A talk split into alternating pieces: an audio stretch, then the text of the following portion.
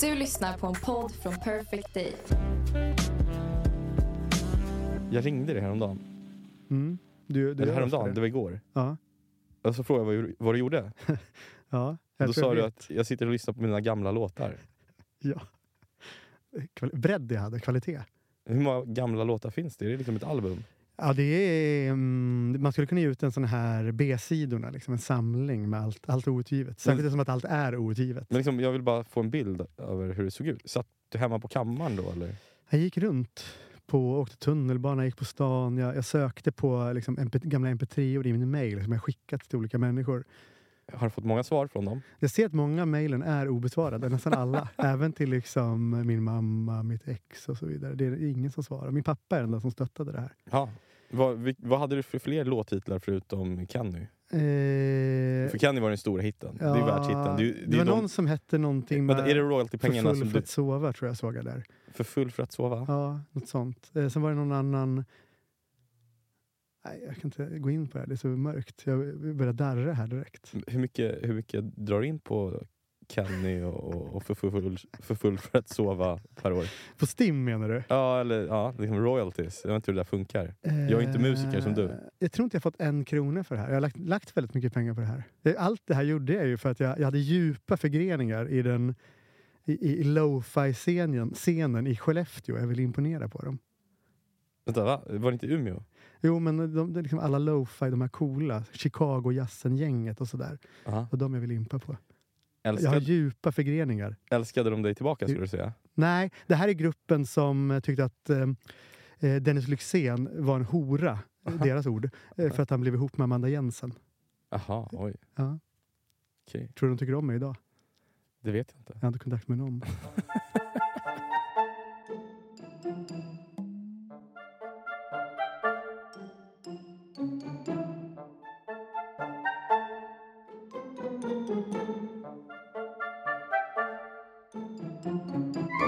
Välkomna till Pascal och Johannes älskade, älskade podcast. Det är i och för sig lo-fi-versionen av Alex och Sigge.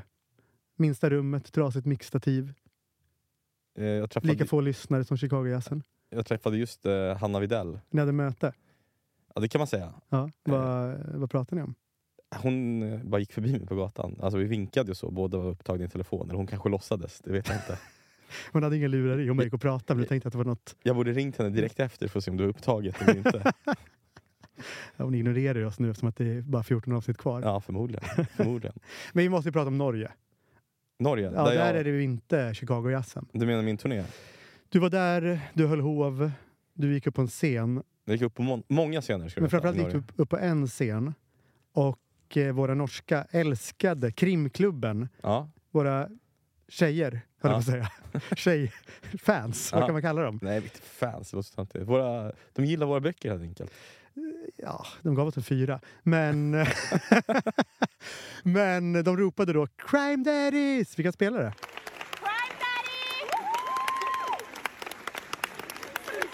Eh, made him blush skriver också Embla. För att du rodnar då när hon skriker Crime Daddies. Ja, men hade inte du rodnat om du klev upp på en scen och så helt plötsligt hörde någon skrika crime daddy? Jo, det hade jag kanske gjort. Men, men det gulligaste var att när du hör det här, du går liksom upp på scen, men då tar du två små skutt. Som att du ska upp och ta liksom så ett pris. Nej, men Och jag- sen kommer du på dig själv och börjar gå liksom en Jag slow-mo walk Ja, efteråt. det där hade faktiskt inte med crime daddies grejen att göra, att de skrek det, utan det där har jag börjat göra. Jag hoppar på av scenen för att liksom, jag vet inte. Jag vet inte varför jag börjat göra det. Men eh, du kommer nog se det under bokmässan också. Kommer jag göra det? Ja. Du är ju lite klumpig, lite orolig för det här. Jag, otroligt bra motorik, ska du veta. Jag har sett dig försöka ta ut en sten ur en sko och stå på ett ben. Det var det sjukaste jag har sett.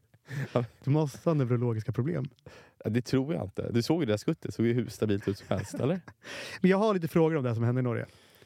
Jaha, Du träffade dem för första gången. Eller vi har träffat två av dem tidigare när vi var i Norge i mars. Ja, exakt. Men nu träffar du hela gänget? eller? hela, hela gänget. Det togs en bild där Ja. de bär dig. Kan du beskriva den bilden?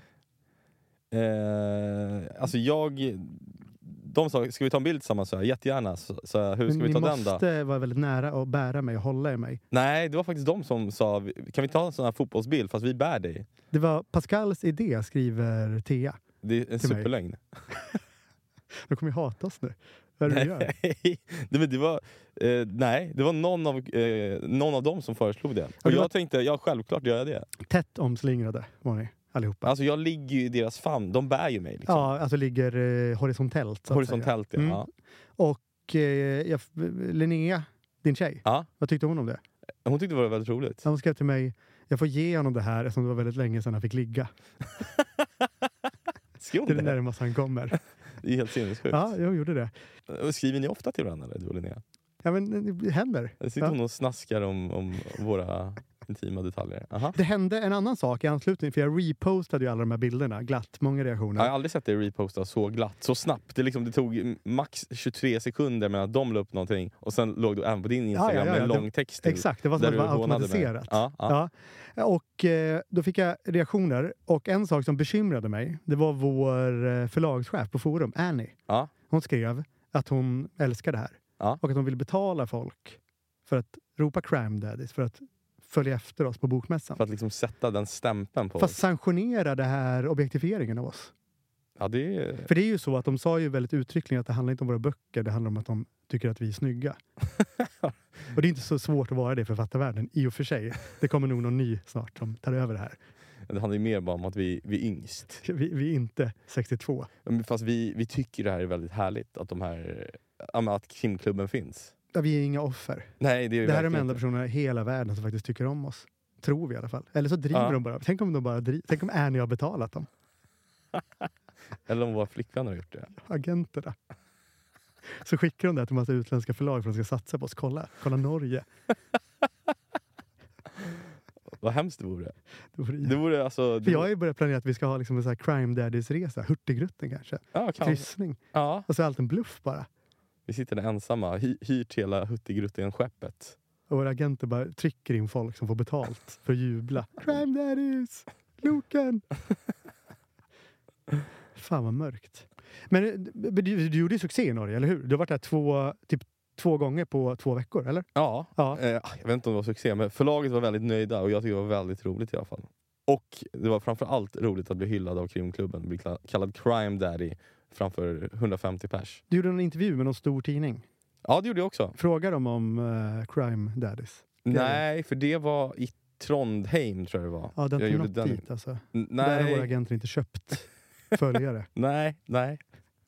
Tyvärr inte. Det, nej, det var en klassisk eh, eh, intervju med Adressavisen. Uppslag fick jag. Mm, Ja, fin bild. Ja, ja, jo det var det. Alltså, det var samtidigt något, eh, för finsmakarna, något kommunval där uppe så att alla fotografer var upptagna. Så att reportern fick ta, ta bilder med mobilen. Ja, lite så här märkligt underifrån. Nej men han var bra, han var faktiskt bra på att ta, Mm. ta bilder. Så Mm. jag är nöjd med, All med bilden. till reportern. Alkad? All cred till reportern. Aha, nej, ja, nej han var absolut inte alkad, han var jättetrevlig.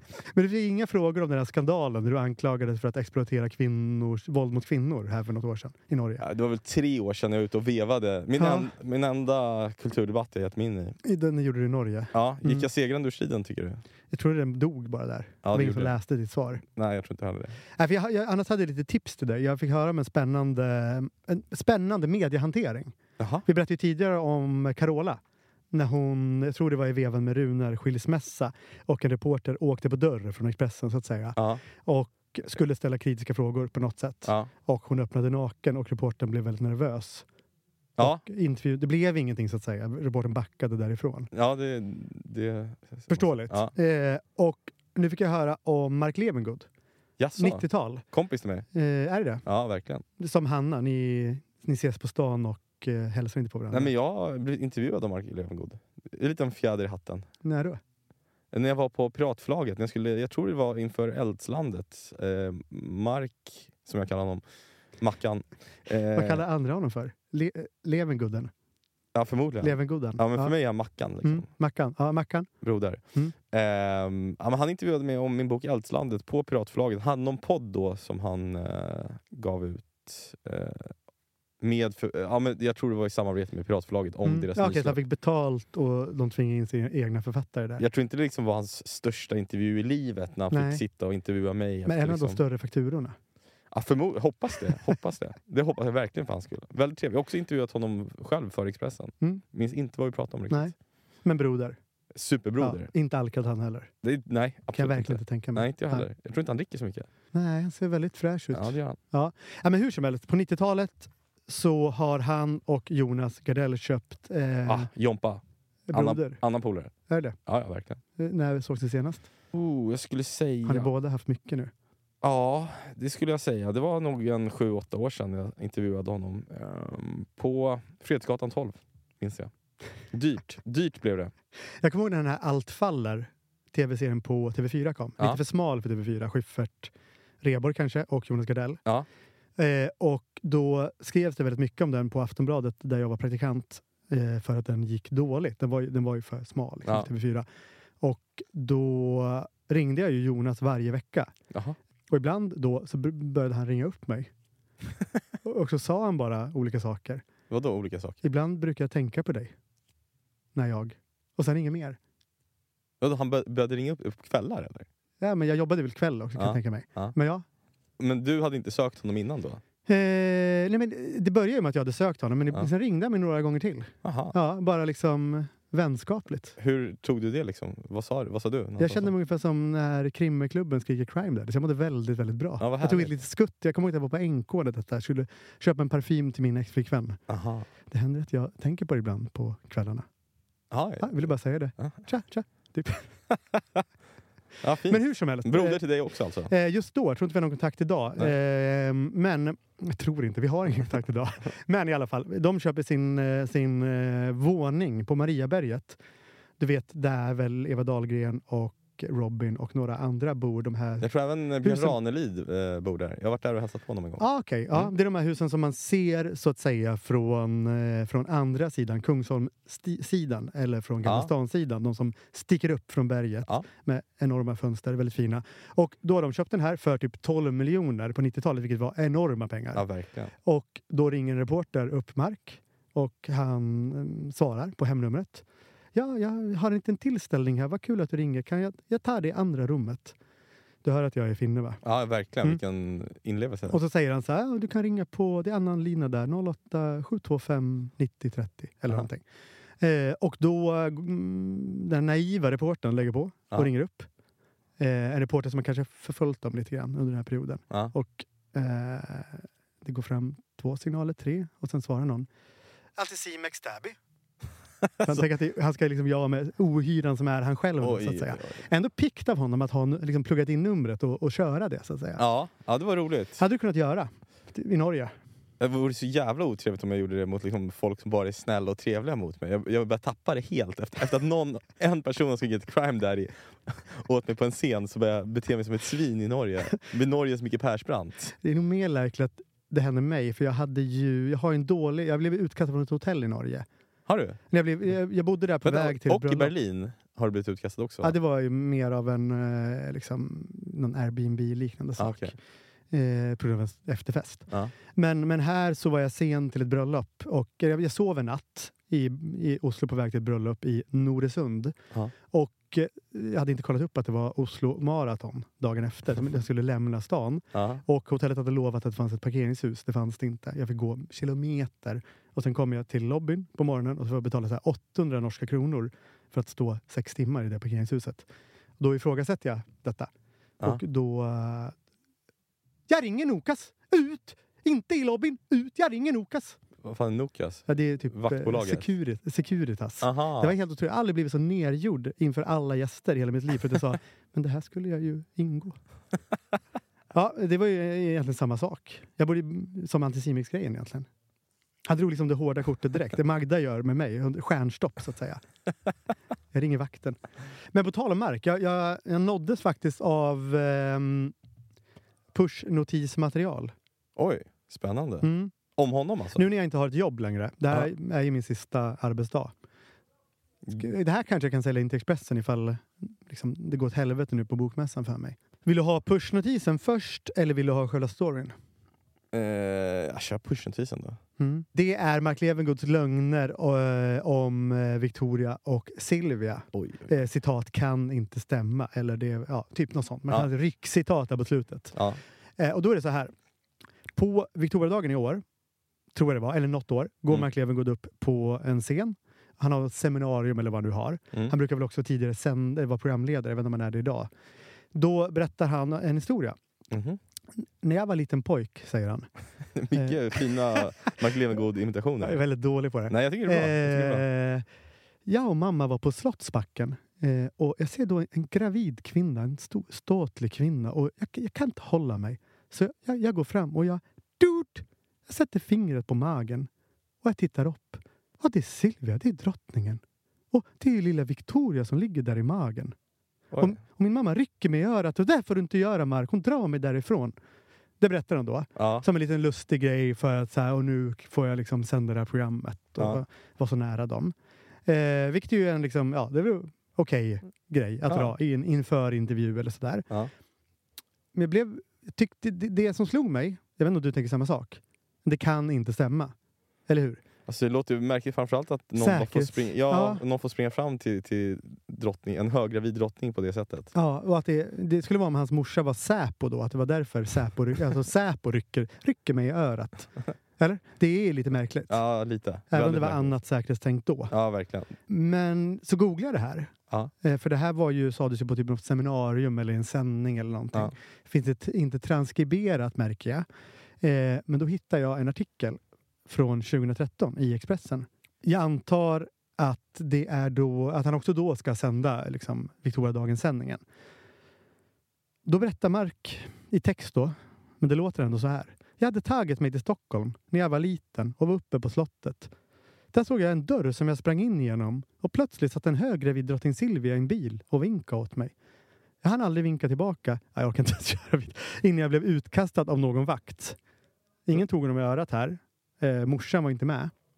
Alltså, jag, nej men vadå? Då tog han sig in på slottet? Ja, då sprang han in på slottet, men inne på slottet så finns det tydligen bilar i, i, i, i rummen. Aha. Där eh, Silvia sitter bredvid en bil. Och sen hoppar hon in i den precis när han kommer in och drar iväg. Så genom en annan väldigt stor dörr. Anar du ugglor i mossen här?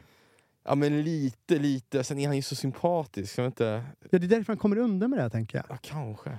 Men vill du liksom, kan du publicera det här? Kan vi inte. slå fast att han ljuger? Nej, det är svårt. Men den här första historien när han petar... Det måste ju vara samma han syftar på ändå. Han kan ju inte varit där två gånger. Han var en stalker. Ja, jag vet fan. Men eh, hur gammal är han när det här sker? När han petar drottning Silvia i magen? Jag märker att du är en riktigt bra nyhetschef, för det var precis det jag tänkte ge dig. Aha, Det här är liksom beviset. okej. Mm. Victoria, hon är född i 14 juli 1977. Kolla här. Mark Levengood. Eller Levengooden som, som vi andra dödliga säger, vi som inte är bröder med honom. Um, 19, hund- juli 1964. Hon är höggravid. Så Ja. Mark, 13 år gammal, springer runt och tar sig in på slott och attackerar och tafsar, tallar på, på gravida kvinnors magar.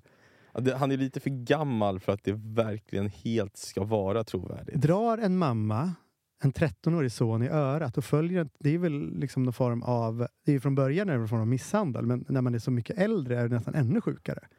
Och att man viker sig så lätt och bara, ja då följer jag med, mamma drog mig i örat. Det blir en helt annan dialekt.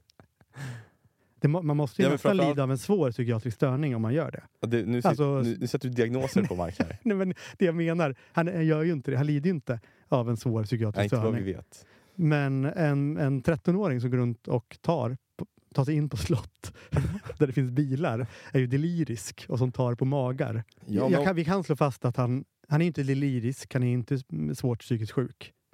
Han Nej. ljuger. Ja, ja, det gör han väl. Han Mm. försöker väl köra lite, försöker bjuda på lite underhållning, lite innehåll. Men som din nyhetschef, alltså jag skulle ändå passa... Har jag något? Ja, ja men Ja, det har du ju. Du, är ju liksom ett tomtebloss i den här branschen, ska jag säga. För du kommer ju lysa starkt, men sen gör du dig ovän genast med Sveriges kanske mest folkkära person, Mark Levengood. Så att... Ah. Eh, Det är ett litet råd på vägen. litet, Du köper texten men det kanske inte blir så mycket fler av mig. Nej, och, jag tror inte han kommer ringa upp dig och säga att han tänker på dig. Men jag kan skicka faktura i alla fall. Till dig alltså. Ja.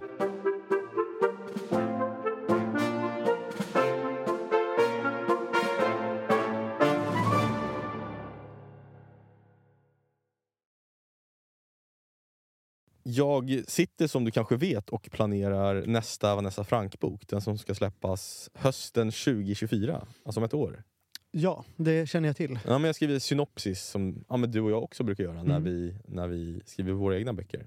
Och det är väl kanske den härligaste liksom, tiden i en boks liv, åtminstone för författaren. Är det inte roligt när man skriver de första 15 sidorna ändå?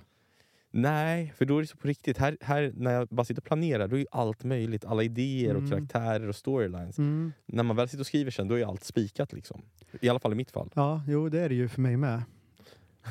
Men ja, i vanliga fall så brukar jag ju som du vet sitta på Thelins när jag gör mina synopsis. Och Där Mm. sitter jag i typ tre månader, ringer samtal, träffar människor och sen ja, skapar jag den berättelse som jag mellan sen i december till mars liksom sitter och skriver på. Men i år har det varit lite annorlunda. Jag har fått sitta där jag liksom kommit åt. Ombord på ett flygplan i en flygterminal med ja, datorn i knät. Eller på något Scandic eller Radisson SAS hotell i Norge. För ja, men som du vet, jag var ju tillbaka i Norge igen. Ditt andra hemland. Ja, lite så. Tre stopp gjorde jag. Eh, Kristiansand, Stavanger och Oslo. Det är typ turnén som vi inte fick göra förra i våras. Ja, men lite, lite in. så. Men, och det jag jobbar mycket med nu i den här berättelsen, det är ju de så kallade vändpunkterna. Mm.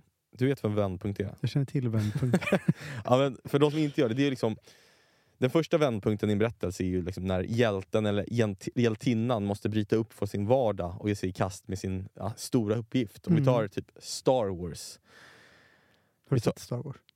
Älskar Star Wars. Mm. Eh, men loglinen som det kallas då, eh, alltså den här meningen som ska fa- sammanfatta storyn, det är väl liksom när en fattig föräldralös pojke, alltså Luke Skywalker, upptäcker att han har en hemlig kraft måste han lära sig att bemästra den för att rädda prinsessan och bekämpa det mörka imperiet. Det är så jävla platt. Ja. Ja, det är så otroligt bra. Det är så enkelt men tydligt. Mm. Men och den första vändpunkten i Star Wars, i Stjärnornas krig, då, den första filmen, det är ju när han, eh, ja, men när han upptäcker att han har den här kraften. Mm. Ja, du suckar där borta. Jag har inte sett Star Wars. Du har inte sett Star Wars? Nej. Ja, det är ju sinnessjukt. Ja, skitsamma. Men en kväll när jag suttit där och jobbat efter ett av mina gig, det var i Stavanger, så gick jag ner till eh, baren. Där beställde jag en liten, eh, ja, men en liten öl helt enkelt. Mm. Så satt jag där nere bland liksom de här norska nasarna och konferensknullarna som var ute på vägarna samtidigt som jag. Testar du olika loglines på dem då? Nej, det gjorde jag inte. Jag satt helt själv i ett hörn. Ja. Men det som hände var att jag började tänka på liksom vändpunkten i mitt eget liv. Kan du säga loglinen eh, Pascal Engman AB så att säga? Nej, det tänker jag fan inte göra. Nu pratar jag liksom om de professionella vändpunkterna. ah, okay, ja. Inte de privata. Nej. Uppenbara när jag träffade Linnea eller när vi fick Benjamin. Det är de stora vändpunkterna. Men i min karriär. Okej, det är någon form av... Eh, tänker du på det här? För att liksom, varför tänker du på det just nu? Karriär och så? Jag vet inte, det har gått, så, det har liksom gått vad är det, 13 år sedan jag började försörja mig på skrivande. Och det är Mm. nästan det jag ska berätta om. Den här, liksom, första, den här första tiden som reporter. Mm. Eller som, först som aspirerande reporter och sen Mm. som reporter. Ja, men, den första stora vändpunkten i min karriär, det var ju när jag beslöt mig för att försöka försörja mig på mitt skrivande. Alltså bemästra den här kraften, så att säga. den här kraften jag bär inom mig. alltså, det är ändå samma logline då. Ja, exakt. Mitt liv är lite som Star Wars. Vem är prinsessan du ska rädda då? Ja, men det är väl Linnea. Är det? Ja, vem skulle annars vara? Nej men det skulle ju vara någon liksom Schulman eller någon. Alex? Ja. Du verkar väl, i offen- det här var ju ditt offentliga liv så att säga. Du verkar väl bara för att försvara de här äldre männen? Guillou. ja vem, är, vem är imperiet? vil- Vilka är de mörka uh, imperiemänniskorna som försöker liksom... För Guillou är det ju väldigt, väldigt många människor. Ja, Ja, du, du, och det är bra för dig för du har många att slåss mot och visa upp dig. ja För att sant. få hans kärlek. sant. Men härifrån... Här börjar det. Den här tiden jag ska berätta om, Ja. den är väldigt långt från att jag får Gios kärlek Ja. tio år senare eller vad det var, sen på, under en efterfest på, på Piratförlaget. Ja. Men, ehm, ja, men det var väl typ april 2010 och jag bodde på Ynglingagatan då, min klassiska lägenhet. Mm. Eller hur? Lasermannen-lägenheten. Lasermannen Lyan, Där du hade de här eh, som finns på barer som jag inte vet vad det heter. Där, tegelvägg. Ja, det hade du också. Men Ja. framförallt de här Jägermeister-logotyper på såna här underlägg som bartendern ställer sin liksom, shaker Ja. på. Hade du. Men du hade typ inte bestick. Nej, jag undrar var jag fick den därifrån. Jag hade, snott, jag hade nog snott med mig den hem från, från min Var det. Lasermannens liksom, köksförråd du också hade? Nej, Det var nej. alltså hans gamla lägenhet. Ja, exakt. Ehm, nej, det var det nog inte, för den var ganska nyrenoverad den här Mm. lägenheten. Men ehm, på den tiden så jag jobbade jag ja, med, med mina föräldrar, jag satt i receptionen på ett av deras företag. Men varje morgon där så satt jag och läste tidningarna. Aftonbladet och Expressen. Jag visste, eller, jag visste att det fanns något som hette DN, men det, den läste jag inte. Eh, och jag och min gode vän Kim, vi drev ju en blogg då tillsammans. Eh, men det var mest jag som var drivande och skrev där. Kim gjorde något inpass någon gång i veckan. Liksom. Jag, jag uppdaterade ändå tre, fyra gånger om dagen. Liksom. Men en av de där dagarna den här, den här våren så var det annonser hos båda kvällstidningarna. Vet du vad de gjorde? Nej. De sökte sommarvikarier. Mm. Ja, det borde jag kanske ha förstått. Ja, det borde det. Ehm, och jag antog att det inte bara var de två som gjorde det, utan att varenda tidning i hela Sverige gjorde det. Fan, du har någonting. Du fattar. Jag fattade. Man söker sommarvikarier. Ja, men Ja. Så vet du vad jag gjorde den där morgonen? Folk jobbar på sommaren. Det kan vara jag.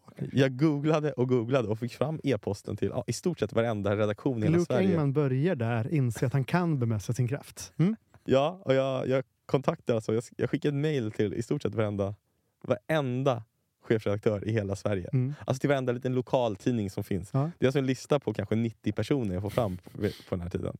Och sen, eh, jag skriver typ att jag, jag drömmer om att bli journalist och jag vill arbeta hårt också. Men jag, jag visar inte prov på det för jag tar ett gammalt blogginlägg och gör om det till en krönika som jag också bifogar med. Ehm, vad, du som varit arbetsledare på många tidningar, vad tycker du liksom om den strategin? Jag eh, minns ju många ansökningar som man liksom stänger ner ganska snabbt och det är ju ofta krönikor. Ja. Eh, Det är ofta blogginlägg. Eller bara att man inte ens orkar ta fram det, man bara skickar en länk till någonting. Liksom. Du kan bläddra lite här. Ja, Det brukar vara människor som inte vill jobba särskilt mycket, men Ja. synas gärna. Ja, ja. Nej, det var ju många som höll med dig. Eh, Aftonbladet, Expressen, Mm. Dala-Demokraten, Norrtelje Tidning. Ja, varenda redaktion i hela Sverige sa ju nej. Utom då, det var en kille som svarade. Rickard Rick- Frank. Rickard Frank. Eh, Vem är mentorn i Star Wars? Ja, men han är min Obi-Wan. ja är det säga. det som är mentorn? Ja. Ja, eh, exakt. Ja. Ja. han blir min Obi-Wan här. Mm. Men det visste han inte då, det visste inte jag heller. Jag visste inte ens att jag hade kraften på den här du har inte förstått det? nej, nej. Här är jag ju bara, här är jag bara vilsen. Liksom. Ja, kraften styr dig utan att du vet. här. Ja. Exakt. Han var på den här tiden chefredaktör på Trelleborgs Allehanda. Och eh, han svarade, och, han var den enda som svarade också i stort sett, eh, och skrev att det kunde bli svårt att övertyga facket om att ge mig ett jobb. Men att vi kunde ta en lunch och kanske hitta något.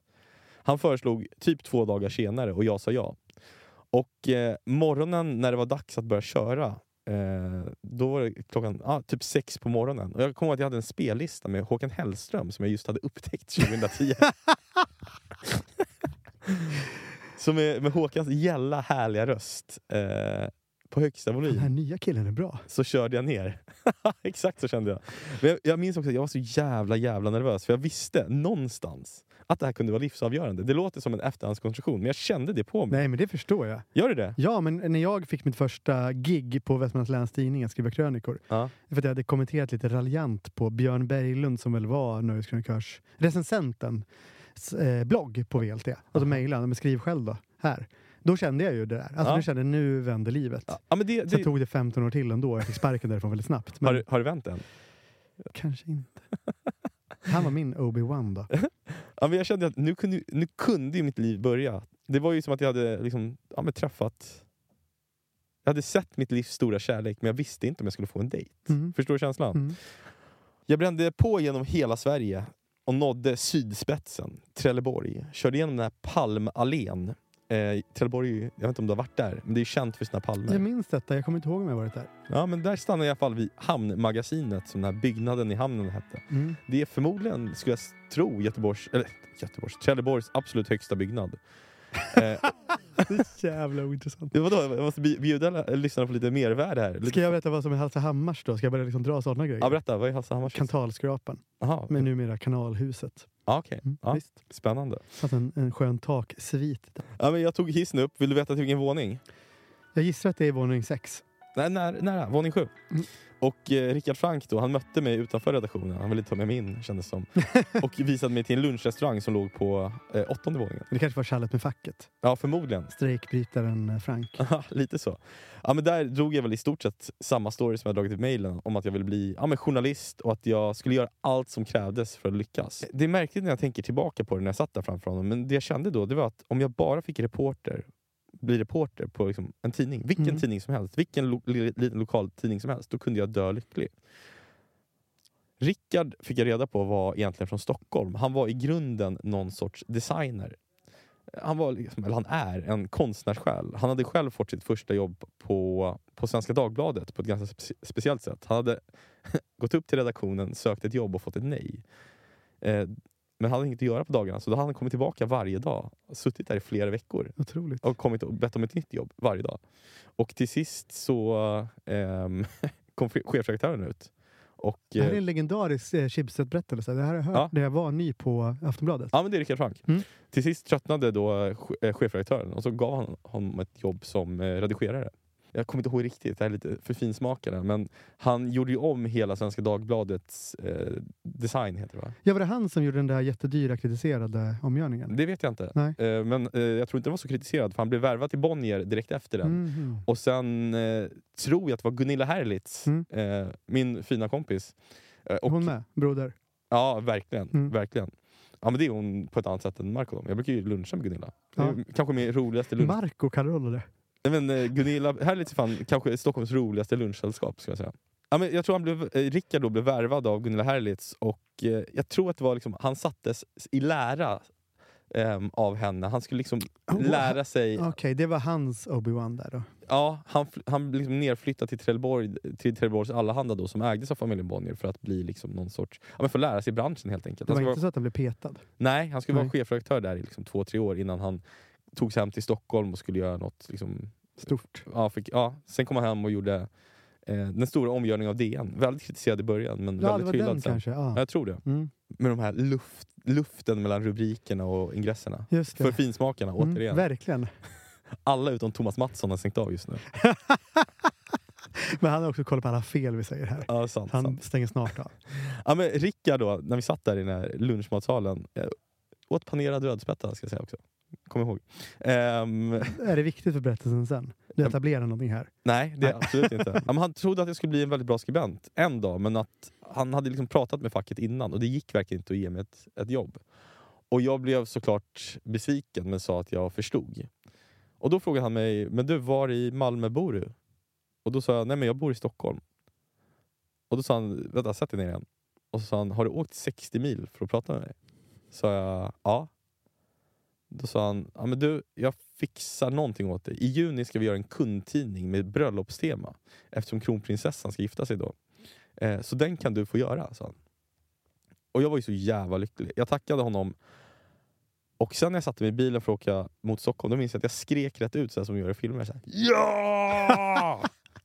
Det gjorde man ibland förr. ja, det gör man inte längre. När gjorde man det senast? Jag vet inte, det måste ha varit 10-15 år sedan.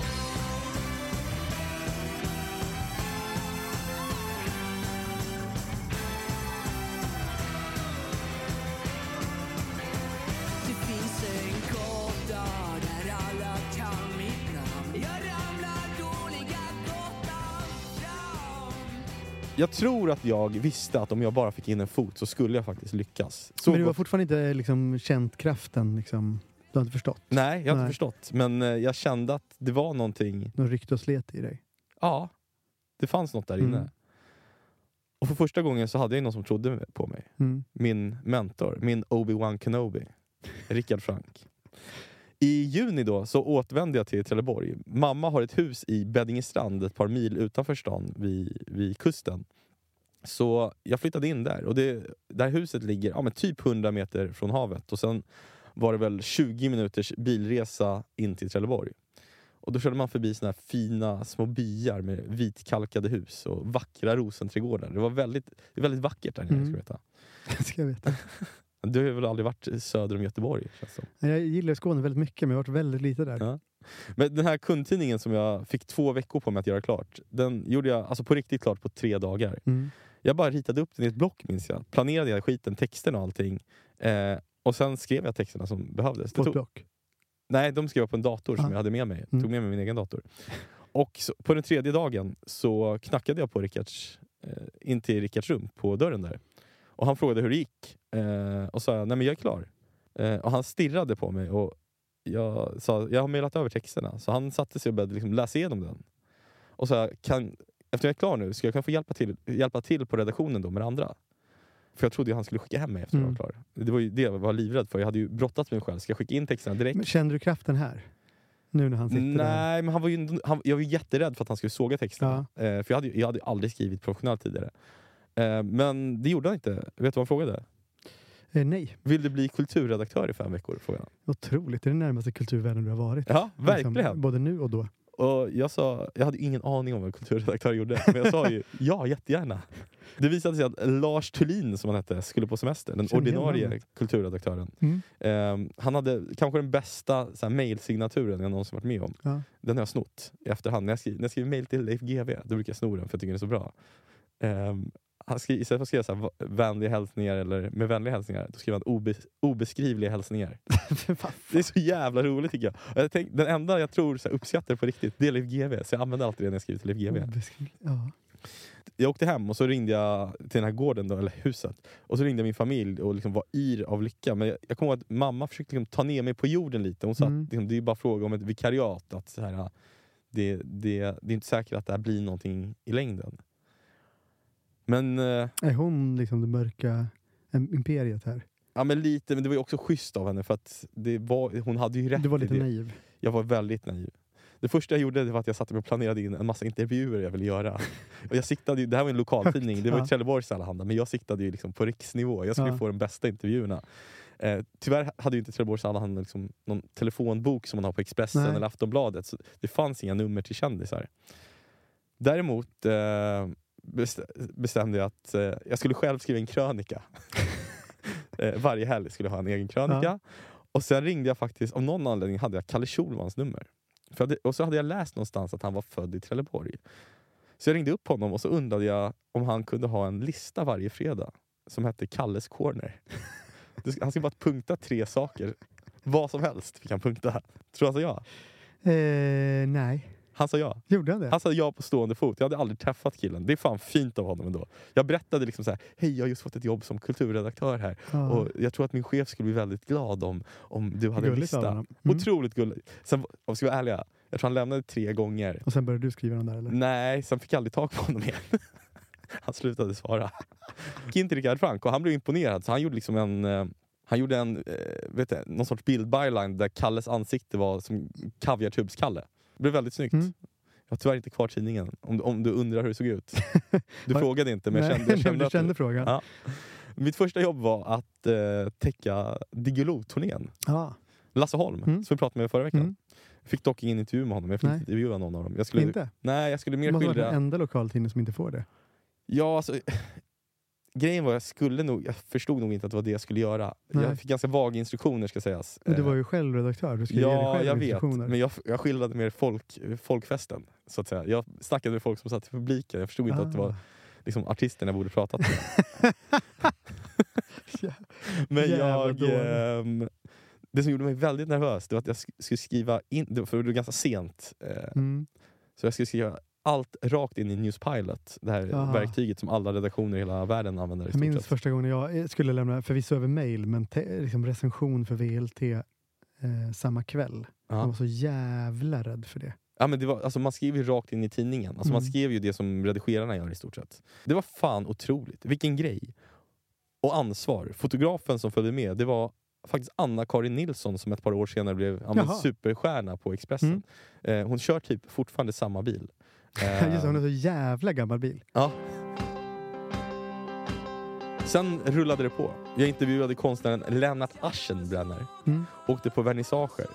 Jag försökte frenetiskt ta reda på vilka kändisar som befann sig på Österlen och i Trelleborg för att kunna intervjua dem. Ja, men det är bra grepp. Ja, verkligen. Ja. Mm. En person. Känner du kraften här? nej, nej. Nej. inte riktigt än. Det kommer snart. Jag måste bara fråga, hur långt in i berättelsen är vi? Det är väldigt sen första vändpunkt här.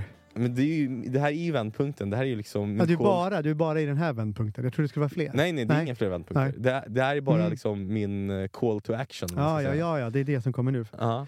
Eh, eller precis, men jag trodde att ehm, jag trodde att du placerat den liksom 90% in i den här berättelsen. Nej, nej, nej. Nej. Det här är Nej. jätteflerplanerat. Ehm, den enda kändis som tyvärr befann sig i Skåne sommaren 2010, vet du om det var? Är det Ranelid? Nej, det, det är inte så hög nivå. Nej. tyvärr.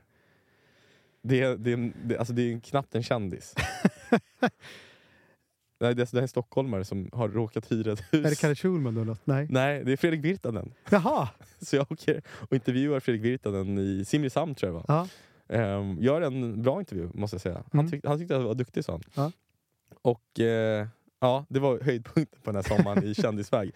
Sen minns jag att jag intervjuade någon gubbe som hade skrivit en bok om Böste fiskeläge. Då zonade du snabbt. Ja, men någon intervju, jag kommer inte ihåg vilken, det blev så bra att Sydsvenskan tog in den. Jag trodde jag skulle dö. Eh, sen intervjuade jag kul- kulturpolitiker också. Och så skrev jag mina krönikor om att Trelleborg... Alltså min, På tal om layout, Sydsvenskan är en klassisk snygg sajt och tidning. Ja, verkligen. verkligen. Men i, i mina krönikor då, som jag skrev varje lördag så drev jag tesen liksom att jag, jag tänkte att jag var tvungen att lyfta Trelleborg, för trelleborgarna är väldigt stolta över sin stad. Mm. Men resten av Skåne liksom har lite annan syn på Trelleborg. Mm. Man ser liksom ner på Trelleborg. Det Varför då? kallas Trellehulla. Ja, men för att det är liksom en arbetarstad eh, med inte så mycket kultur och så som liksom det fina Ystad. Och så. Men jag tänkte att nu ska jag fan ge Trelleborg upprättelse. Mhm. Så min första krönika eh, den handlade om att Trelleborg var världens bästa stad för att de hade en uteservering på Systembolaget. Det stod några bänkar där som alkisar sitter på. Och sen eh, kallade konsekvent också alltid Trelleborg för Sveriges Miami. Och jag tror fan, för jag har hört det senare, jag tror att det var jag som myntade det begreppet. Jag skulle kunna sätta typ Dino på att du har hört någon A-lagare säga det. Och det, det är egentligen liksom är en grej alla sagt i hundra år. Men på grund av på- palmerna. Men jag populariserade det. Ja, men jag arbetade arslet av mig. Och eh, Trelleborg, staden, folket, de började omfamna mig. På grund av de här krönikorna. De började hälsa på gatorna i matbutiken och säga att de gillade mina texter när jag gick på... Det var otroligt när man skrev i lokaltidning faktiskt. Ja, man blir så otroligt älskad. Men sen var de där kvällarna efter jobbet. Jag satt i trädgården mellan, medan svalorna flög lågt mellan hustaken och solen var på väg ner. Jag var ju väldigt ensam. Jag grillade varje kväll. Själv alltså? Ja, helt själv. Eh, drack ja, en halv flaska, en flaska rödvin varje kväll. Och sen läste jag Aftonbladet Expressen för att få uppslag till idéer. Som du kunde stjäla. Får jag kunde, ba, får jag bara berätta här? Ja. Eh, det- var det 1984 eller? som vad? Som du myntade det här? Har du kollat upp det här nu? Ja. Palmernas stad. Ja. Eller lilla Miami. 84 Fan, redan? fan, alltså ung alltså. Ja, jag var där Det är tidigt. motsatsen till Mark då, som Okej. kallar på kvinnorna. Men jag återpopulariserade det här begreppet som hade dött ut. ja, förlåt, fortsätt. Du läser Aftonbladet, du stjäl vinklar. Jag själv vinklar utav bara satan från Aftonbladet och Expressen. Eh, nej, framförallt försökte jag väl lära mig hur artiklar skulle skrivas, Ja. för det visste jag ju inte. Du har alltid varit väldigt, väldigt seriöst faktiskt. Alltså, om, jag ska vara, om jag ska vara seriös här, med, med ditt lärande, med din, med din personliga utveckling. Ja, Du har verkligen. varit så jävla seriös hela livet. Ja, Jag har varit imponer, alltid varit imponerad av det. ja, vad fint. Det är Mm. finaste du har sagt till mig. Eh, jag hade också en kort romans med en tjej som jobbade på Tele2-butiken i köpcentret Valen. Var det henne du bara gick fram till? Ja, Jag gick fram och pratade med henne, jag tyckte hon var så snygg. Eh, Ja. Så gick jag fram och frågade kan jag köpa en telefon av henne? Så, eh, det gjorde jag nog. Grillade ni tillsammans då? Eh, ja, det gjorde Mm. vi. Vi grillade och drack vin och, och umgicks några dagar. Varför just så kort romans? Eh, jag vet inte. Jag tror att jag hade ett... Eh, jag hade väl ett lite på och avförhållande då eh, med eh, den tjej som sen avslutade vår relation genom att eh, rista in ett hakkors i min Ah. ytterdörr. Mm. Hon var kvar i Stockholm. Mm. Kan redan ha ristat in hakkorset i min ytterdörr på Ynglingagatan vid den här Mm. Du var tidpunkten. lite rädd i alla fall. Jag var väldigt rädd. Sen kom Kim ner. Mm. Eh, Jensen. Ja, Kim Jensen. Han skrev på sin C-uppsats geografi och behövde skri skrivro, sa han. Så, han dålig idé. nej, nej, han, han satt och skrev klart hela sin C-uppsats. han. Ja, han fick ett eget arbetsrum. Jag var ju på redaktionen på dagarna, Ja. så han satt bara där och skrev. Om kvällarna satt vi ute i trädgården och spelade gitarr. Ja, Håkan Hellström. Och drack väldigt mycket vin. Vilka låtar spelar ni? Hade Ja. han hört Håkan Hellström tidigare? Jag tror det var Kim som kan ha introducerat mig för Mm. Håkan. Jag minns inte vi spelade, men det, det var väl klassikerna. Liksom. Eh, och du pratade häromdagen, minns jag, om att du kände att ingenting var möjligt. Minns Ja. du det? Men fan, det här var perioden i mitt liv när allt var möjligt. Jag var så 24 år gammal, hade inga barn, inget ansvar. Allt jag ville göra var att skriva och bli reporter. Åh, Alltså- vilken härlig stund. Ja, men jag kunde skriva var som helst, bara jag fick skriva. Och nu fick jag äntligen skriva. Förstår du liksom den, alltså, Mm. Den jävla jag vet inte, ruschen i kroppen. Ja. Jag minns att när jag fick min första lönespecifikation, jag tror, jag fick, jag tror det var 19 000 jag fick. Det var en ganska bra lön. Innan eller efter skatt? Ja, innan skatt. Du blev nog väldigt blåst. Ja, säkert. det sket jag i. För jag kommer ihåg att jag, jag fick den på mail. Och Ja. så öppnade jag så stod det lönespec. Jag hade inte ens frågat vilken lön jag hade. Jag hade inte förhandlat med lön. Det gör jag ju fortfarande aldrig. Det är jag väldigt dålig på. Ehm, men då, då började jag grina. Jag satt i, i trädgårdsstolen i den här ljumna, liksom, varma sommarkvällen och grät. För att det stod reporterarbete. Det var, det var liksom, och så stod Bonnier, för det ägdes ju av Bonnier där Mm. uppe. Det var, liksom, det var så, Status var viktigt. Nej, jag, jag, tror, jag förstod nog inte ens att Trelleborgs Allehanda var ägt av Bonnier. Jag förstod inte hur allt sånt där hängde ihop. Jag kunde ingenting om liksom, tidningslandskapet. Men, eh, ja, men det var overkligt. Jag fick pengar för att skriva och jag förstod att jag aldrig ville göra något annat. Ja, men egentligen var det väl just det där. Den där lönespecifikationen som jag satt och tänkte på när jag satt i den här baren på, eh, på det här SAS-hotellet i Stavanger bland de här avslappnade norska nasarna som hade liksom löst knutna slipsar efter arbetsdagen. Det var den där vändpunkten och jag fick i mig ett par fler öl. Jag blev nostalgisk och ja, men rörd. Jag mindes den där 24-åringen som bara var lycklig över att få skriva. Som hade åkt liksom världen runt om det behövdes bara för att hitta någon som trodde på honom. Som gav honom ja, men en yta, en plats i, i universum. Saknar du honom? Det är liksom naiviteten, hoppet, glädjen. Ja, lite. Mm. Jag kan sakna ja, men det fria Mm. som det ändå innebar att vara 24 år gammal och gö- göra sitt första tidningsjobb. Och den Mm. energin som man hade. För den har man inte. Det är så deppigt att det är så. Jag var ju pratade om, eh, i Norge då, om min egen bokserie om Vanessa. Mm. Och jag kom på hur det var sen när jag, när jag skulle skriva om henne för första gången. Det var 2017 och jag hade just släppt Patrioten jag hade inget namn på den huvudkaraktär som jag, eh, som jag skulle skriva om, som bara hette Vanessa då. Och då fick jag plötsligt ett mail av just Rickard Frank. Vi hade inte hörts på några år. Han som var den första att tro på mig, min Obi-Wan. Och när jag stirrade på hans DN-mail som han hade då, Dagens Nyheter alltså, så insåg jag att Frank är ett så jävla bra efternamn Mm. på en karaktär. Som en hommage till honom så var det därför Vanessa heter Vanessa Frank.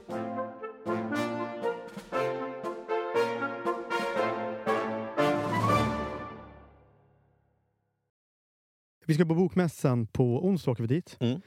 Och på lördag så ska jag vara med i en livepodd, Sebastian Mattssons eh, Bakom ryggen. Vi ska prata om litteraturkritiker, recensenter. är jag- jag- väldigt orolig för att jag ska, Men jag är ofta orolig för det, om sanningen ska fram. att jag ska försöka liksom plisa dem och säga något drastiskt. Ja, men du, jag vet ju hur det är. Du sitter där på en scen, så låter du dig dras med. Mm. Så säger du saker du ångrar. Fast som jag kanske inte menar. Ja, exakt. För att du vill bjuda liksom publiken på... På en show. Ja. Ja, jag vet. Ja, Jag, vet Du så... tror att du är liksom Robbie Williams.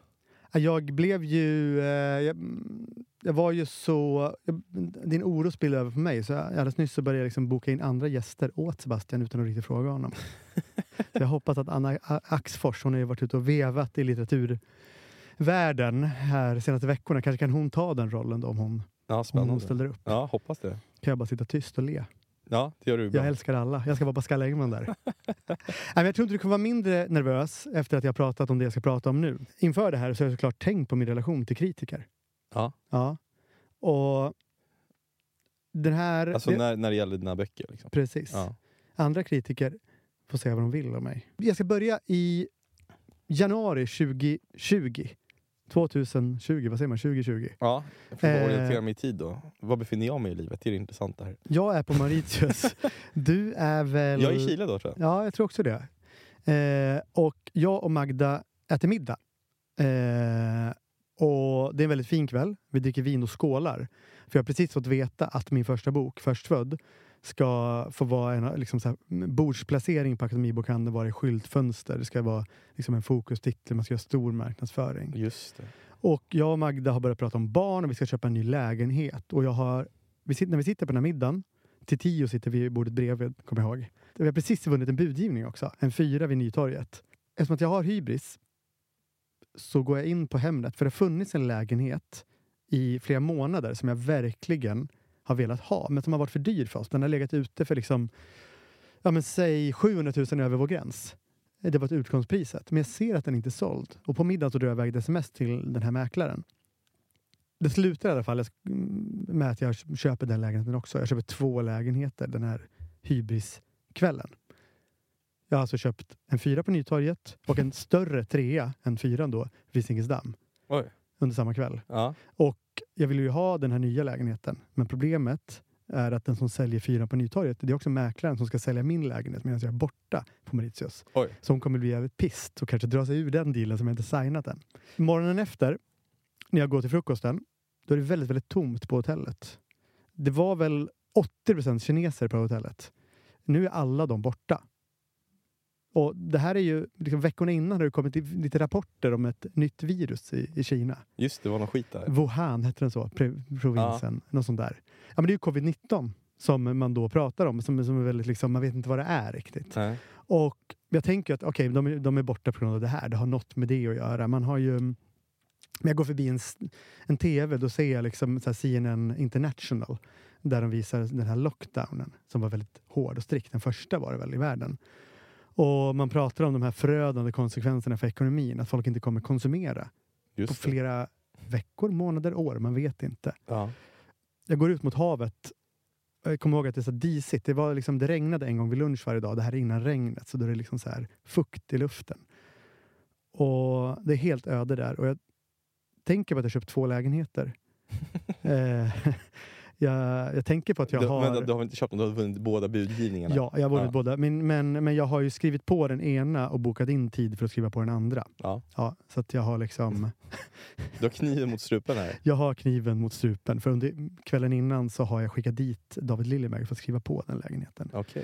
När jag står där och börjar känna mig lite stressad så får jag ett sms från Jonny Nykinen, det är min medförfattare. Du kommer ihåg honom? Ja, verkligen. Aftonbladet-reporter på den tiden.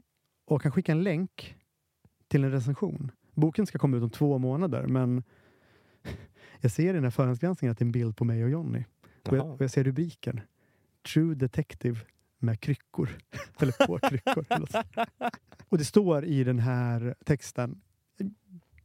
Alltså det sjuka är att jag, det mesta är blacked out. Jag kommer inte ihåg någonting.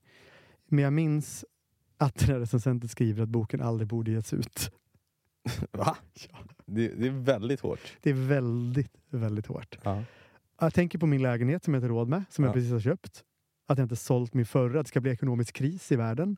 Att den här boken, uppenbarligen, den, den ser inte ut att landa så bra.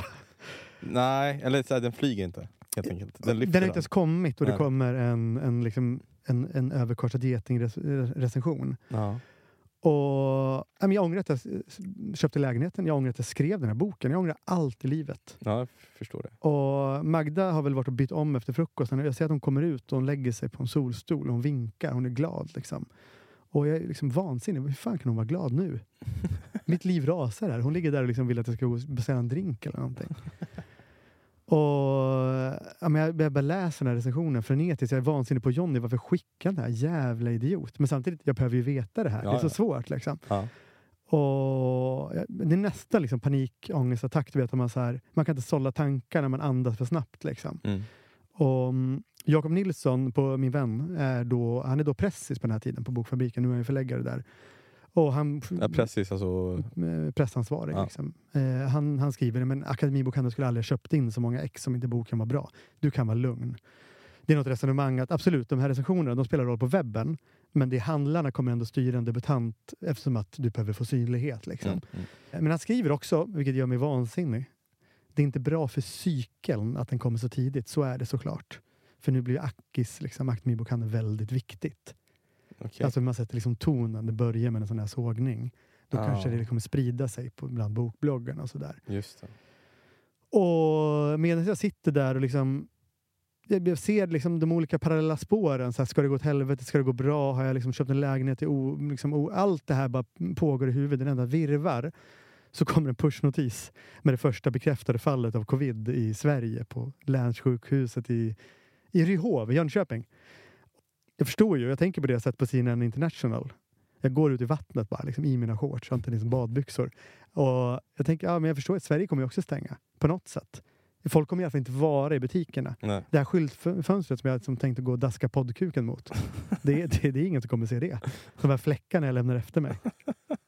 Jag är helt i händerna på de recensent, recensenterna som inte... Som hatar inte tycks mig, älska liksom. dig. Nej. Nej. Och då börjar jag väl odla ett hat mot dem. Ja, fast det bara är en person. Ja, men mot alla. Som inte förstår mig, som inte älskar mig. De, de ser inte din storhet. Du har också varit där i början av karriären. Många irritationer. Du, du brukar ljuga om det, men du har varit vansinnig.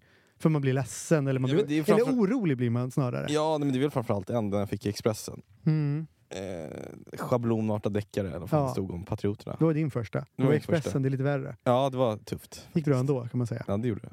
Men ehm, stickspår här, som ska visa sig avgörande. Ja. Jag var Eh, på, nu du träffar din mentor. ja, kan man säga. Jag var ju på ditt ex bröllop, Emma, Ja, just det. som gifte sig med Jonathan. Ja, jag var inne och skrev grattis eh, till henne på, på hennes Ja, det var Instagram. Men eh, Fint. jag har inte fått något svar. Men du har inte det? Nej. Nej. Men eh, det var ett fint bröllop. Det är jättefint. Ja, vad kul. Verkligen. Det såg jättefint ut. Han tar hennes namn också. Ja, fint. Modernt. Malmlöv då. Ja. Mm, Jonathan Malmlöv blir Ja. Och höll ett väldigt bra tal, Ja, vad om kul. du vill veta. Nej, men vi skickade dit Emma och Jonathan för att kolla på lägenheten, för vi hade ju inte sett den. Det var ju en lägenhet vi liksom inte vågade gå på visningen för, Ja. för att den var för dyr. Jag började tänka på det när jag tänker på recensenterna, för allting korrelerar ju på något sätt. Mitt haveri med den här boken, den här lägenheten. För man kan säga att, och det här bröllopet, för den här lägenheten, det är lite av din och Emmas baby, det sista ni gjorde som par. Fast ni inte var tillsammans, helt oberoende av varandra. Vadå? Jag, jag, ska, jag ska berätta detta, men Emma var ju där och tittade på lägenheten tillsammans med Jonathan Ja. under middagen. De filmade, jag hade den mesta kontakten med dem. De skickade klipp där de pratade, de visade på fel, de visade bra saker. Ja. Det var mest positiva saker. Jag hörde de varnande orden från Jonathan, men jag lyssnade inte riktigt. Och jag ringde dig och frågade och du sa kör, jättebra pris, kör, kör. Varför, Ja. vad, varför, vänta, vad var det han varnade för? Och så skickade vi lille Maggie och köpa den. Ja. Trots att Jonathan uttryckligen hade sagt att den är verkligen sleten Aha. med de orden. Ja. Och på middagen så, när jag liksom har lagt på, det är ju tusen samtal med dem, liksom undervisningen, videosamtal och bilder som skickas. Medan liksom Magda och jag sitter och äter. Väldigt tråkigt firande blir det plötsligt. Men då frågar Magda när jag kommer tillbaka, men är det mycket att fixa i lägenheten? Nej, nej. Det är bara lite touch-ups kan man säga. Touch. Lite småpill. Ja, lite småpill exakt. Ja, bra säger hon, för jag tänker inte köpa ett renoveringsobjekt. Du måste lova mig det. Och mm, då smiter jag iväg igen Ja. för att kolla en sista detalj. Jag säger att det är för att jag ska styra upp Lillemag och kontraktskrivningen. Men det är då jag ringer till dig Aha. och säger, har du en hantverkare? Ja, min kille är grym. Han fixar min lägenhet så att det ser ut som Bianca Ingrossos för bara 20 papp. Jag bara, då svart? Nej, nej, nej. Med kvitto säger du. Oroa dig inte. Han är chilenare. Så, så att det skulle liksom, för att, att lugna mig. Men vänta, du tog in den här killen då? För jag tog in andra hantverkare. Ja, du gjorde det. Ja. Ja, det, jag förstår det. Det kommer lyssnarna snart också Jag tog in förstå. en jättebra firma. Ja, men den här kvällen när jag sitter där, det är ju innan recensionen, ska man ju komma ihåg. Lyssnarna ska komma ihåg det. här. Det här är ju liksom när jag fortfarande har hybris. Aha. Så jag tänker, okej, Jonathan säger att det är mycket att fixa, men jag känner ju inte Jonathan lika bra som jag känner dig och Emma. Nej. Och ni säger kör. Ja. Och jag vill tro, jag vill tro på livet. Här är fortfarande allt möjligt för mig. Jag tar in din kille. Och det går två må- månader för att jag ska mä- då kommer jag till lägenheten för första gången. Jag har inte sett den ens. Nej. Jag ska mäta lite inför flytten. Och eh, säljaren öppnar. Kräksjuka säger han bara. Och så pekar han på en unge. Fy fan. Ja. Och jag går en runda där i lägenheten och knarrar märkligt från golven. Och det luktar lite konstigt. Jag vet inte om det är sopor eller om det är mögel eller vad fan det är. Och det är barnrummet luktar illa, i hallen och definitivt badrummet. Men det är ju kräksjuka. Jag tänker det här är väl någon gammal blöja. Jag har inte barn då. Jag vet inte hur en gammal blöja luktar. Liksom. Eh, och det luktar lite avföring, det måste jag säga. Eh, när jag ska mä- börja mäta då, i hallen så tappar jag min snusdosa. Vänta, har du en sån här schysst lasermätare? Nej, nej, nej. Tumstock. Ja, jag är finne för fan. Eh, och den här snusdosan, den bara... Alltså det är, liksom, det är som en Formel 1-bil som drar iväg mot innehallen. Den liksom rullar över golvet. Nya golv, säger ägaren. Fina va? Jag bara, ja, de är lite sneda va? för alltså, det är liksom, det är mot 10 graders lutning på den här skiten. Ja, det är ett gammalt hus, säger han. ja, jag, jag, liksom, jag känner på parketten och jag, jag, kan, liksom, jag kan trycka och liksom känna det andra golvet under. Det ligger något annat under. Ja. Och det är liksom det är ett glapp däremellan. Och det, det knarrar och det gnisslar. Och eh, den säljaren frågar, är det okej om barnen liksom kör runt med sina bilar på golven? Ja, jag, jag ska nog ta bort det här. Det är okej, liksom, svarar jag. Ja. Det, jag börjar då inse liksom, att någonting är fel med den här lägenheten. Och han ser väldigt liksom ledsen ut när jag säger det. Som att han blir kränkt att jag ska ta bort hans golv som han precis har lagt in för att kunna sälja lägenheten. Men det är vad jag tror då. Men det jag förstår, det jag kommer liksom inse sen att det är en skuldmedvetenhet. Han vet då att han kommer att bli avslöjad. Den här jäveln. Kommer hem till Magda. Eh, är det mycket att fixa i lägenheten? Nej, nej, nej. Vi kan behålla det mesta, säger jag. Ja, vi ska inte göra köket. Nej, nej, nej. nej, nej. Vi kan bara eh, kanske byta kakel eller någonting. Det, det blir maj. Vi flyttar in, eller vi får tillträde. Jag eh, bestämmer för att golven måste lösas. Det kan liksom inte vara så att man liksom snubblar för att det är sådana höjdskillnader. och, um, min väldigt sympatiska ungerska golvläggare, han, um, han börjar riva och redan efter två timmar så, så mässar han 20 centimeter mer i takhöjd. Jag bara, va?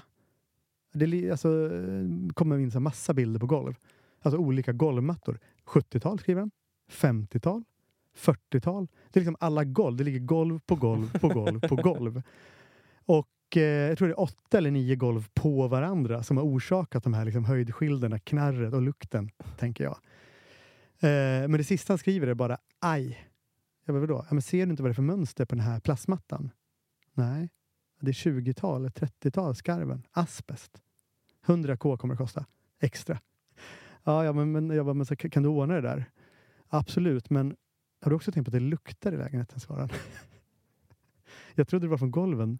Men det, det är någonstans, jag vet inte om det är sopor, det kommer lukt någonstans ifrån. Det här är två månader efter att boken har kommit. Eh, Succé. två månader efter att jag har gått ner från vår gamla lägenhet i Hornstull till Akademibokhandeln där, sett skyltfönstret, gått in och frågat ja, hur går det? Alltså, vi sä- säljer jättemycket spel. Jag bara, men den här boken som ni har i skyltfönstret, Förstfödd, ja, han vet inte vad det är för bok. vi säljer bara spel, säger han. Och nu messar jag till förlaget för jag tänker nu, jag måste ju hoppas på lite royalty så det här kommer bli dyrt inser jag. Aha. Ehm, jag bara, men hur, hur går den? Ja, jag tror det gick ut 7000 böcker, svarar de. Men vi väntar oss väldigt många returer. Helt bisarrt när jag kollar tillbaka den här konversationen. Skriver jag ändå, ska vi, men ska, ska vi gå vidare med kontrakt på en andra bok eller? Ah, vi, får höras längre fram, får jag svar. Fy fan vad. Att det här är ju liksom, du frågade tidigare någon gång om varför jag skämtade så mycket om flopp, att jag liksom låtsades gå vidare från det här fiaskot. Men det var ju fruktansvärt. Ja, det var ett trauma. Ja. Eh, vi flyttar in i slutet av maj, nya golv då. Mm. Eh, lägenheten är liksom på något sätt förknippad med, med fiaskot, alltså bokfiaskot för mig. Ja, det liksom, det eh, fattar jag. jag ty- tycker inte om det riktigt. Jag ser fel. Men vi har ju bestämt oss för att inte re- renovera, att vi inte har råd. Och den första kvällen, då ska jag liksom, då ska jag bada. Jag skickar, jag skickar en bild till dig på min jacuzzi som, som står där inne. Jag tar fram en bourbon, du gillar att bada, så jag tänker jag vill på något sätt liksom bygga lägenheten till något positivt, Ja. göra dig avundsjuk. Jag fyller upp vattnet, jag tycker det går lite långsamt och sen lägger jag mig där. Mörkt rum, släckt liksom. Trycker igång bubblorna.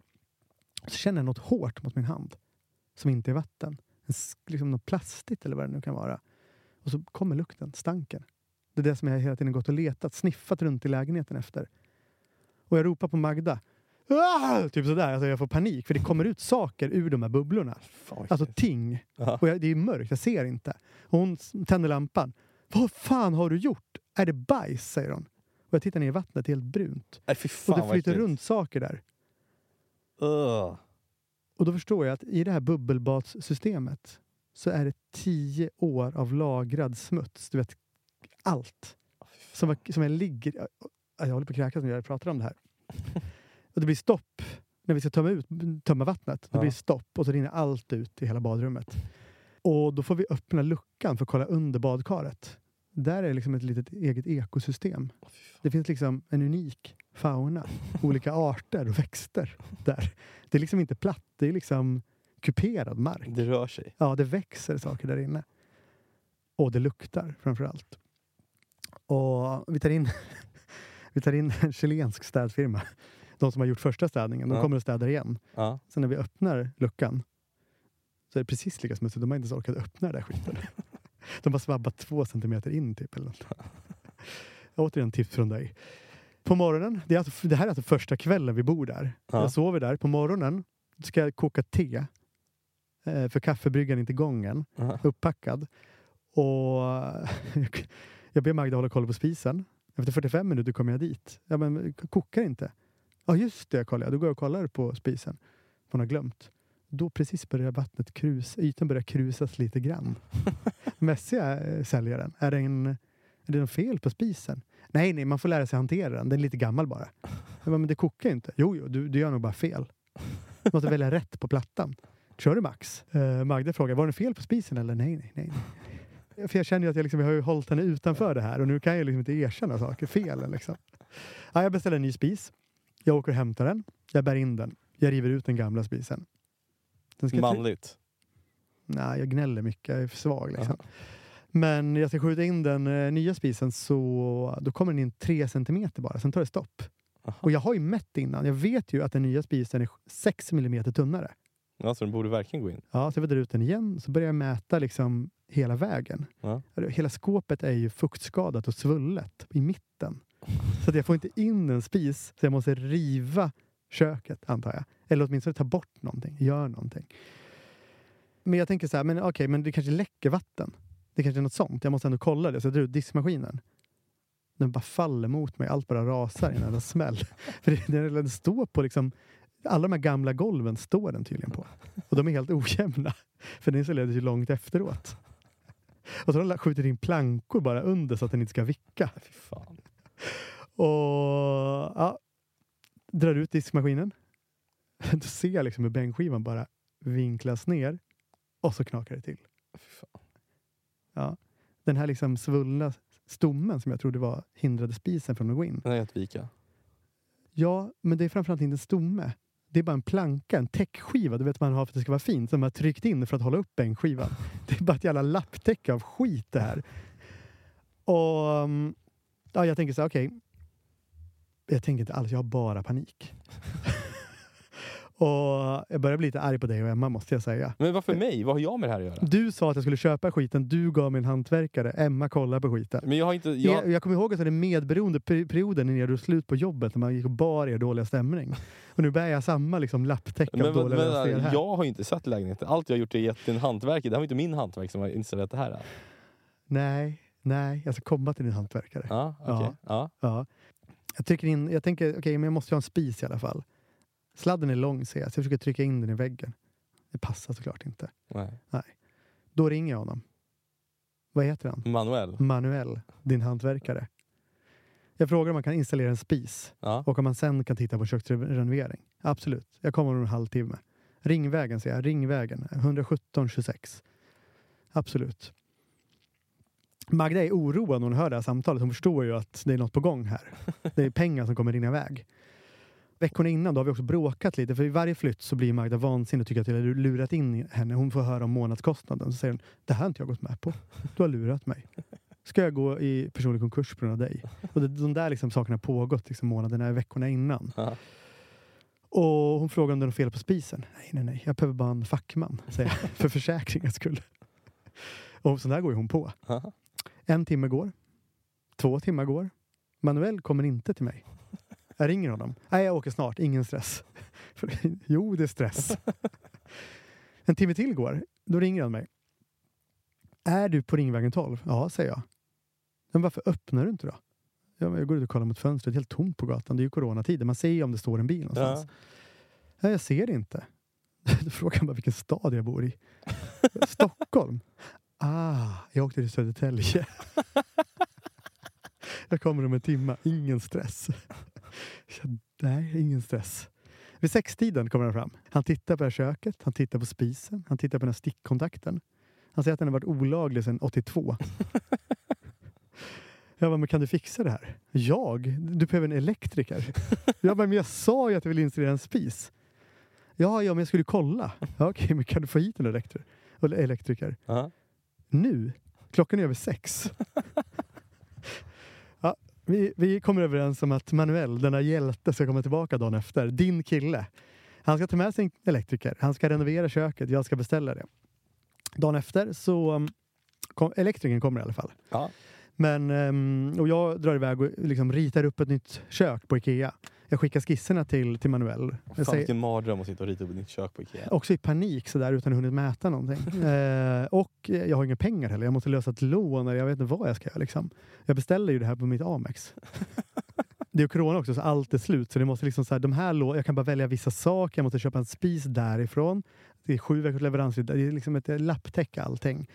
Och jag messade till Manuel, kan du börja om tre veckor? Jaha. För då kommer stommarna. Visst, ingen stress. Jag ska tvätta på kvällen.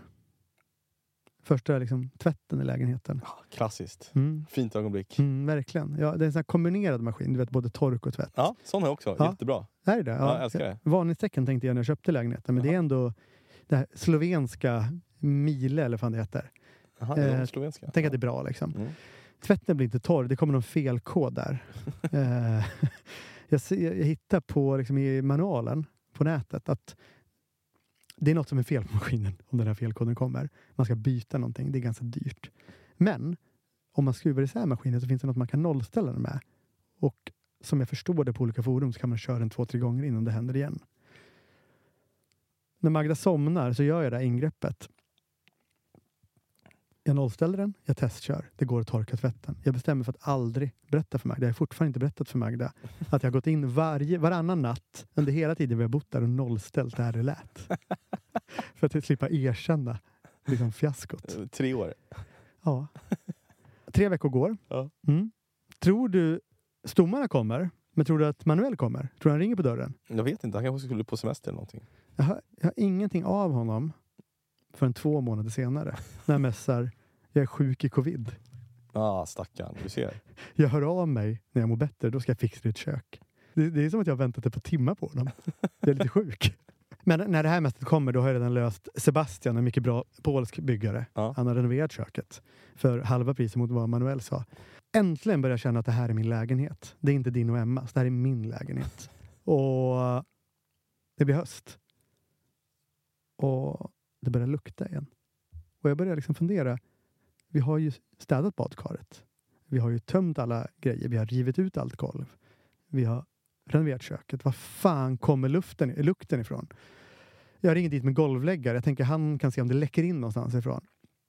Och vi går in, för då är ju Magda gravid, så jag vill inte ha några jävla giftigheter i lägenheten. Och mm, Peter som han heter, han kommer dit, mm, han går direkt till barnrummet, det som ska bli Dinos rum. Och han pekar på golvet. Här. Här är det. Det kommer från soprummet. Det läcker in. Och sen fastnar hans blick på något annat. Det är något så här radiatorrör som går från elementet. Ja. Och det, det, det, är skarven där det läcker för han har inte kunnat täta det ordentligt. Och så går, går han bara fram till det här röret och så tar han upp sin sån här, så här tapet, tapetkniv och skär bort en bit och smular i handen. Och liksom, liksom luktar på det och så säger han asbest, 100 procent i de här rören också. Nej. Kolla själv sen så trycker han upp det så jag liksom andas in den här skiten. Sommaren efter, för han har inte tid, så gör vi om de här golven. För att få bort den här stanken, för att få bort asbesten. Och då har Magda börjat störa sig lite mer. Vi har alltså inte bott i lägenheten mer än kanske halva tiden. Vi har alltid varit ute hos hennes föräldrar, i Bosnien, varit överallt för att, för att vi inte kan bo i vår lägenhet.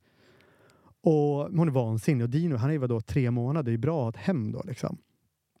Och den här sommaren är den som jag utrett för hjärtproblem. Det som du brukar håna mig för. Det är starkt. Du, dels brukar du skratta, men dels när det här skedde, när jag ringde till dig, Ja. så sa du jättebra inför lanseringen. Det här får du ta med Lars också så vi kan sälja in vinklar på det här till tidningarna. Du har fått barn och du får hjärtproblem. Starkt. Ja, men det börjar med att jag inte får luft när jag springer. Jag liksom blir överhettad. Jag får feber i timmar efteråt. Och det känns som jag ska svimma. Och det blir värre varje dag. Och när jag har sprungit så går liksom inte eh, pulsen ner som den ju ska göra. Jag ligger liksom vaken hela natten och har liksom 120 i puls. Och svettas, jag yr och illamående. Och det är liksom, hjärtat hoppar till i otakt. Det är Ja. inte bra känner jag. Nej, det låter inte men, Och jag åker till läkaren. De kollar, så, men kan det vara astma eller kan det vara något sånt som gör det här? Nej, inget sånt. De rö- röntgar lungorna. Nej, det är nog inte post-covid heller. Och en fredags eftermiddag efter jag gjort en massa tester. Jag ska åka till Småland där Magda är för vi inte kan bo i lägenheter. Jag har alltså, då kan jag bara bo i fem kvadrat av, av eh, köket, för det, eller av vardagsrummet. För resten har man bara river upp golv och håller på. För andra sommaren i rad. Och då säger den här läkaren till mig som ringer att du får inte lämna stan. Du måste vara med någon, du måste söka akut om det blir värre och på måndag ska du komma in och göra tester hela dagen. Det var efter det samtalet du skrattade så mycket. ja. Men hur som helst, man hittar inte fel på min kropp. Jag går på tester, det pågår ett halvår. Man hittar ingenting. Men det börjar bli bättre. Och en natt, det börjar bli bättre efter en natt våren 2022. Och det är när jag vaknar av att Magda liksom pratar med mig. Jag tror först hon pratar i sömnen. Men sen förstår jag att hon, hon för ett samtal med mig fyra på morgonen. Hör du, säger hon, det regnar. Och då är Dino typ ett år och har liksom en jiddrig sovperiod och jag är väldigt grinig. Jag tänker, så- alltså jag tänker visst, vi kan, vi kan liksom vakna när Dino vaknar, men att hålla på och babbla om att det regnar, det går inte. Jag blir jättearg. Så jag säger bara, men sov bara. Och det här är, jag har fortfarande liksom problem med liksom andning och allt det där. Det är jättejobbigt på nätterna. Jag Ja. kan, när jag väl somnar vill jag sova. Och, men Magda går upp och hon går ut i hallen så hör jag bara Åh herregud! Och jag far upp ur sängen. Dino börjar gråta och jag kommer ut i hallen. Jag bara, vad fan snackar de? Och så känner jag det vattnet som bara rinner ner. I det här, på de här golven som vi har gjort om nu två gånger. Ja. I Ja, den här det. hallen som vi har målat två gånger. Och jag, måste, jag får ringa brandkåren för det första. För det är tydligen dit man ringer när man ska stoppa vatten som rinner. Det visste jag Jaha. inte innan. De kommer dit, bryter upp dörrar. Två brandbi- brandbilar. Stänger av vattnet i hela huset. Och morgonen efter så åker vi till, till Spanien. Två dagar senare så åker vi till Spanien. För en skrivresa. Ja. Sen till Bosnien. Vi ska skriva Skammens väg, du och jag. Och jag ska skriva min, min första bok som kommer nu, för att sig från ondo. Och då plötsligt så försvinner de här hjärtproblemen när vi inte är hemma på fyra månader. Det är inte pollenallergi. Det är inte post-covid. Det är något annat. Du tycker bara det är lite jobbigt att vara hemma? Ja, men jag, alltså, det är min, kanske min livs lyckligaste period när jag plötsligt kan andas. Ja. När jag inte konstant går och tänker på att jag inte får luft. Du kommer ihåg hur det var att jag inte kunde eh, slutföra meningar? Att jag blev så här, luften tog slut ibland när det vi var på scen. en åldrad, åldrad gubbe. Alltså. Ja. Men här mår jag toppen. Och jag är så lycklig. Jag glömmer bort det här. Och när vi kommer hem då har vi nytt badrum. Vi har nytt tak. Vi har nytt allt. Den här lägenheten den har liksom bytts ut bit för bit. Det finns ingenting kvar av den. Men vi har inte bytt en sak. Tvättmaskinen. För jag berättade ju aldrig för Magda att den var trasig. Jag, jag vågade inte det. Men den har ju harvat på där. Ja. Och när vi skulle renovera badrummet efter vattenläckan då föreslog jag ändå ett byte. Men då sa men då, du säger att den är perfekt, den funkar jättebra. Så vågade jag inte erkänna det. Och, ja, men för jag har ju bedragit henne i fyra år. Du vet ju hur liksom, paranoid hon är. Ja, ja verkligen. Ja, vi kommer hem från Spanien, Bosnien. Jag mår bra. Men stanken är där. Det luktar avlopp. Det luktar avföring. Det luktar mögel. Jag häller i olika kemikalier i liksom olika hål som finns i, det här, i den här lägenheten. Jag sprayar rumsparfym för att dölja det här. Ja. För jag kan inte fatta. Alla rör är nya. Allt är rensat. Tvättmaskinen är ändå ominstallerad, liksom tömd på vatten. Allt borde funka. Men jag glömmer det här på något sätt. För den där hösten, nej, förra hösten, när jag var sjuk hela tiden. Du kommer ihåg när vi skulle göra olika saker? Jag var alltid sjuk. Det är var också roligt, för att för några veckor sedan så var Mm. du sjuk. Och då sa jag, fan vad du är sjuk ofta. Och så sa du, jag är aldrig sjuk. Det är så jä- då ringde jag faktiskt eh, vår älskade roadie Elias Ja. efteråt. Och han sa exakt samma sak. Han bara, jag förstår inte vad det är för fel på Johannes. För han, han är alltid sjuk, men han Mhm. glömmer alltid bort att han är sjuk. Jag vet. Han tror att han är jättefrisk. Jag var inte sjuk, då vill jag säga. För nu, jag du kommer, du kommer för breaking news här. Aha. Ja, vi var sjuka hela tiden fram till i somras när vi lämnade vår lägenhet och åkte till Bosnien. Eh, du börjar se mönster här va? Ja, Men den gången tappade jag luktsinnet. Och, eh, just det. mm, och det var också därför jag liksom inte reflekterade när andningsproblemen kom tillbaka. Jag var, jag var ju sjuk. Jag var helt... eh, Förlåt, jag måste bara kolla här. Förlåt, jag tar om det där. Ja. Ja, men liksom de här liksom hjärta som rusar, kroppen som inte kan varva ner den här rossliga andningen. Eftersom jag var sjuk hela tiden så tänkte jag inte på det. Nej. Och jag kände ju inte lukterna. Jag tänkte att alla de här liksom, sjukdomarna berodde på att vi skolade in Dino på föris. Jag frågade dig, är Benjamin sjuk? Ja, men du var ju aldrig sjuk. Nej. nej. Jag och Magda var sjuka hela tiden. Men i fredags, då trillade den här poletten ner. Det var dagen innan Emmas bröllop. Ja. Liksom slutet för er Slutet för oss, vad menar du? i den här berättelsen. ja. Jag skulle tvätta mina skjortor och Magdas tärnklänning, för hon var tärna på bröllopet. Ja. Och jag skulle lämna dem, liksom köra ut Magda med de här grejerna till hotellrummet. Och då kom mitt luktsinne tillbaka för första gången. Du vet hur det funkar när man har förlorat doften i corona, hur man ska få tillbaka det. Nej. Man ska träna, man ska lukta på kaffe, alltså saker man känner igen. Okej. Jag fick tillbaka min lukt när jag tog ut de här plaggen ur tvättmaskinen. Och jag... Avföring. Mögel. Avlopp. Och jag luktar och jag luktar. Det luktar hemma. Och jag inser att jag får tillbaka mitt doftsinne. På riktigt för första gången. Och det stinker så mycket i den här jävla tvättmaskinen att jag liksom, att du vet, torrhulkar, heter det när man kräks liksom, för att det kommer ingenting. Och det är också en viss- stress, för Magda ska ju ha de här kläderna liksom, eh, en torkning senare. De ska också lukta gott helst. De ska lukta gott. Då inser jag liksom, de här fyra år vi har bott här har jag varit sjuk hela tiden. Innan var jag sjuk en gång per år. I en vecka. Ja. Jag springer inte mycket, jag, jag ska inte vara så här sjuk. Andningsproblemen, Ja. när kom de? Jo, de kom våren 2020. Det är något förkylningsastma som vi åkte in med för ett år sedan. Varför är den bara aktuell när vi är hemma? Varför luktar det så mycket här? Varför mådde jag så bra i Sri Lanka, på Mauritius, i Bosnien, i Spanien? Jo, för jag var borta från möglet från den här tvättmaskinen. Från det här haveriet till lägenhet som du och Emma, er sista skapelse. Må Jonathan och Emmas kärlek leva för alltid.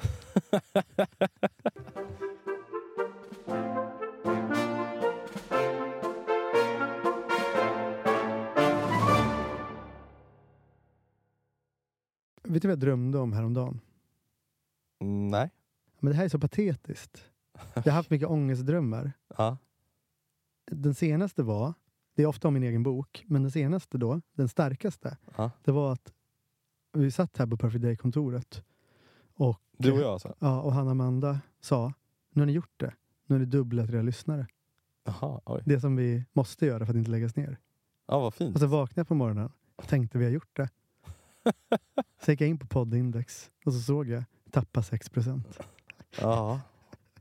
Är inte det helt fruktansvärt? Jo, det är jävligt patetiskt. Jag vet inte riktigt vad vi ska göra. Det är mycket som är svajigt i vår kar- karriär just nu. Vi, förra årets bokmässa, Wow, vilka kingar vi var.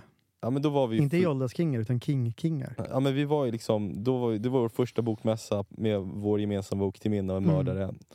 Forum hade satsat väldigt mycket pengar på oss. Vi var liksom flavor of the month. Månadens smak, det var vi. Ja, eller årets smak nästan. Ja, Och alla ville äta middag med oss och det var, vi satt där med Forums v- nej hela Bonnierförlagens VD. mm. och vår förlagschef. Vår förlagschef och Ebba Östberg, litterär chef på, på Forum, som nu är vår förläggare. Mm. Och det var liksom, var, det, det var grejer på gång för oss. Vi Ja, hade men- framtiden för oss. ja.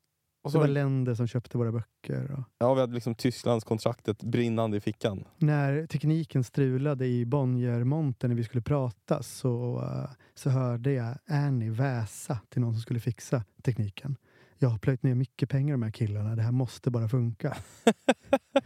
Ja, nej men vi, vi stod väl på toppen där för exakt ett år sedan. Och nu fick vi ett sms om att gå på en annan middag. Till årets bokmässa då. Ja, eh, där det var, vi blev inbjudna till de som är Året. månadens smak. Ja, det är ju Karina Bergfeldt och Sofie Sarenbrant som nu skriver en gemensam bok. Mm. Eh, På födelsedagen. Ja, på Ja. Forum. Födelsedagen. Går, går som tåget. Jag har inte Går läst den än, men verkar väldigt bra. Och nu, eh, nu ska vi sitta där och liksom minnas. Hur det var att vara flavor of the month. För dem är vi visserligen en spegel hur det kan vara nästa år för dem, men det kan också vara att de fortfarande, känslan är att de skulle kunna vara månadens smak även då. Ja, vi, vi inte bjudna på Eh, nej, då är vi inte ens bjudna på, på den här middagen nästa Nej. år. Vi får bara vara med liksom, som tack för förra året. Jag hade en tanke i och för sig. De här porrbottarna. De här ryska porrbottarna som lägger till en på Insta och som liksom eh, de gängen använder för att tvätta pengar kanske via Spotify. Ja, exakt. Kan vi, vi har inte råd liksom att köpa såna här ryska porrbottar. Nej. Men vi kanske kan få dem att gå vilse på något sätt. De ska hitta till podden Ja, vi ska Så- leda dem till podden på något sätt. för att få upp siffrorna. Finns det något där? Alltså, hur mycket kan det kosta? Vad kostar en rysk porrbåt? Det känns dyrt, eller annars har väl alla gjort det. Kan vi inte ringa Björn Ulvaeus då? Ge honom, du ringer Björn och så ger de det här förslaget. Men vad säger jag då? Men Att podden måste räddas. Men Lys- hur får jag in porrbottarna i det här? ja, men du får Och säga, Ryssland? Du får säga Han kanske inte vill skicka sina pengar. Förmodligen så ha- handlar inte han med Ryssland. Nej, det Det hoppas kan jag. jag Men, inte tänka mig. men det kanske finns andra porrbåtar. Vadå, eh, de, de här sköna ukrainska porrbottarna? Som är liksom... Eh, Som ändå är okej att köpa nu. Ja, ja, ja, ja. De har sån här st- stamp of approval på något sätt. Det är som att man investerar i så här miljövänliga, miljövänlig tech. Och så finns det liksom etisk, eh, etiska porrbottar. liksom de som inte vill lägga pengar på så Lundin Petroleum och så, de går på de etiska porrbottarna från Ukraina. Tror, tror du Björn vill det? Jag vet inte. Han köpte ju våra mastertapes. Gjorde han det? Jag är omedveten när han köpte Perfect Day. vi kanske kan föreslå att vi startar ett kommanditbolag med Björn. Du och jag Björn. Alltså jag har alltid velat ha ett kommanditbolag. Vad gör ett kommanditbolag? Jag vet inte, men det låter som att de sysslar med, kanske inte etiska, första etiska kommanditbolaget som handlar med, med, med, med de här vänliga rys, äh, ukrainska porrbottarna. Vad fan, vi kanske har räddat podden nu. vi kanske gjorde det. Tror du det? Siffrorna säger något annat.